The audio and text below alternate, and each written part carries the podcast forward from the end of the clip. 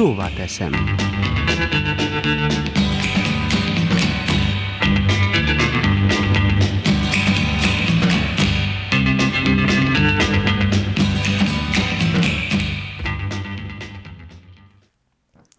Jó napot kívánok a tisztelt hallgatóknak!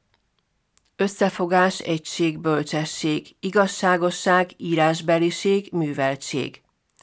Ezen legfontosabb emberi erények szellemében tevékenykedett ezer évvel ezelőtt Szent István államalapító királyunk, akinek emlékére augusztus 20-a körül a muravidéki magyarok is különböző rendezvényeket szerveznek.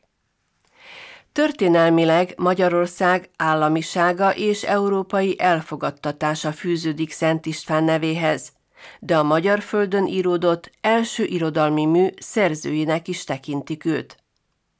Úgynevezett törvénykönyvet írt fiához, Imre Herceghez, amelyben a nemzeti hagyományok őrzését és a külföldi hódító szándéka elleni védekezést írja le erkölcstanszerűen.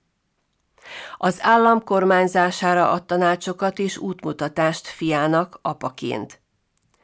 Tíz fejezetben inti őt, hogy őrizze meg a hitet, erősítse meg az egyházi rendet, tartsa tiszteletben a főnemeseket és a vitézeket, hozzon igaz ítéletet, legyen türelmes és vendégszerető, hallgassa meg mások tanácsát, kövesse az elődök példáját, imádkozzon, és legyen erényes.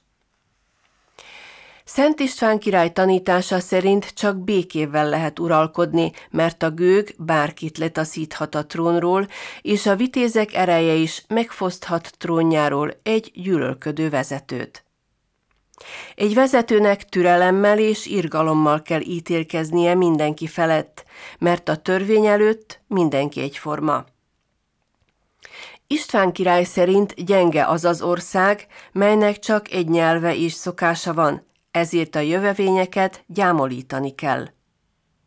A sokszínűség, a többnyelvűség, a multikultúra minden közösséget gazdagabbá tesz.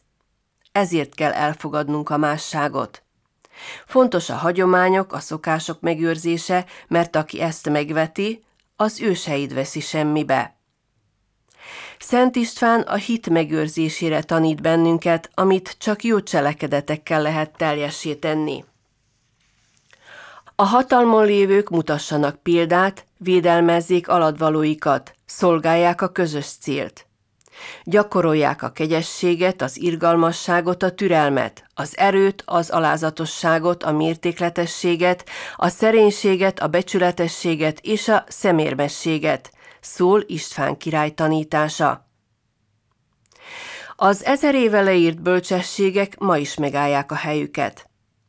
Kár, hogy azok, akikre leginkább vonatkozik, nem tartják be őket.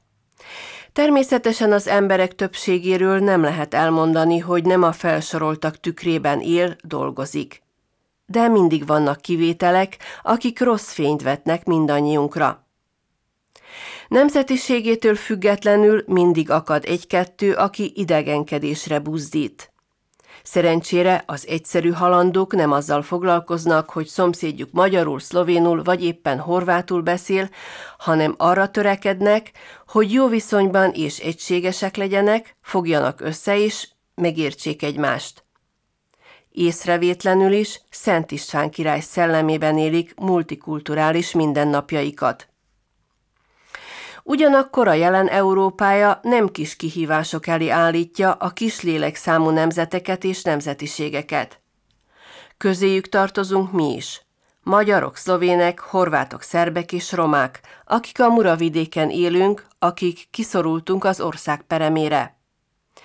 Közösen kellene kihasználnunk minden felkínált, de minden elrejtett lehetőséget is – 2019-ben, amikor már rég lebontottuk a határokat, nem annak kellene lényegesnek lennie, hogy száz évvel ezelőtt észszerűtlenül kit hova csatoltak.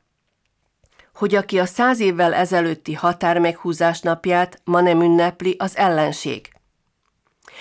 Az egy évszázaddal ezelőtti események már a történelem lettek. A mai ember nem akkor élt. Szent István király üzenetének megfelelően az összefogás, az egység, a bölcsesség szellemében kellene élnünk.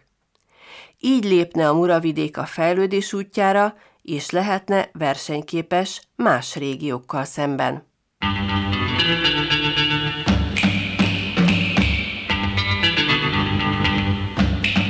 Szóval teszem.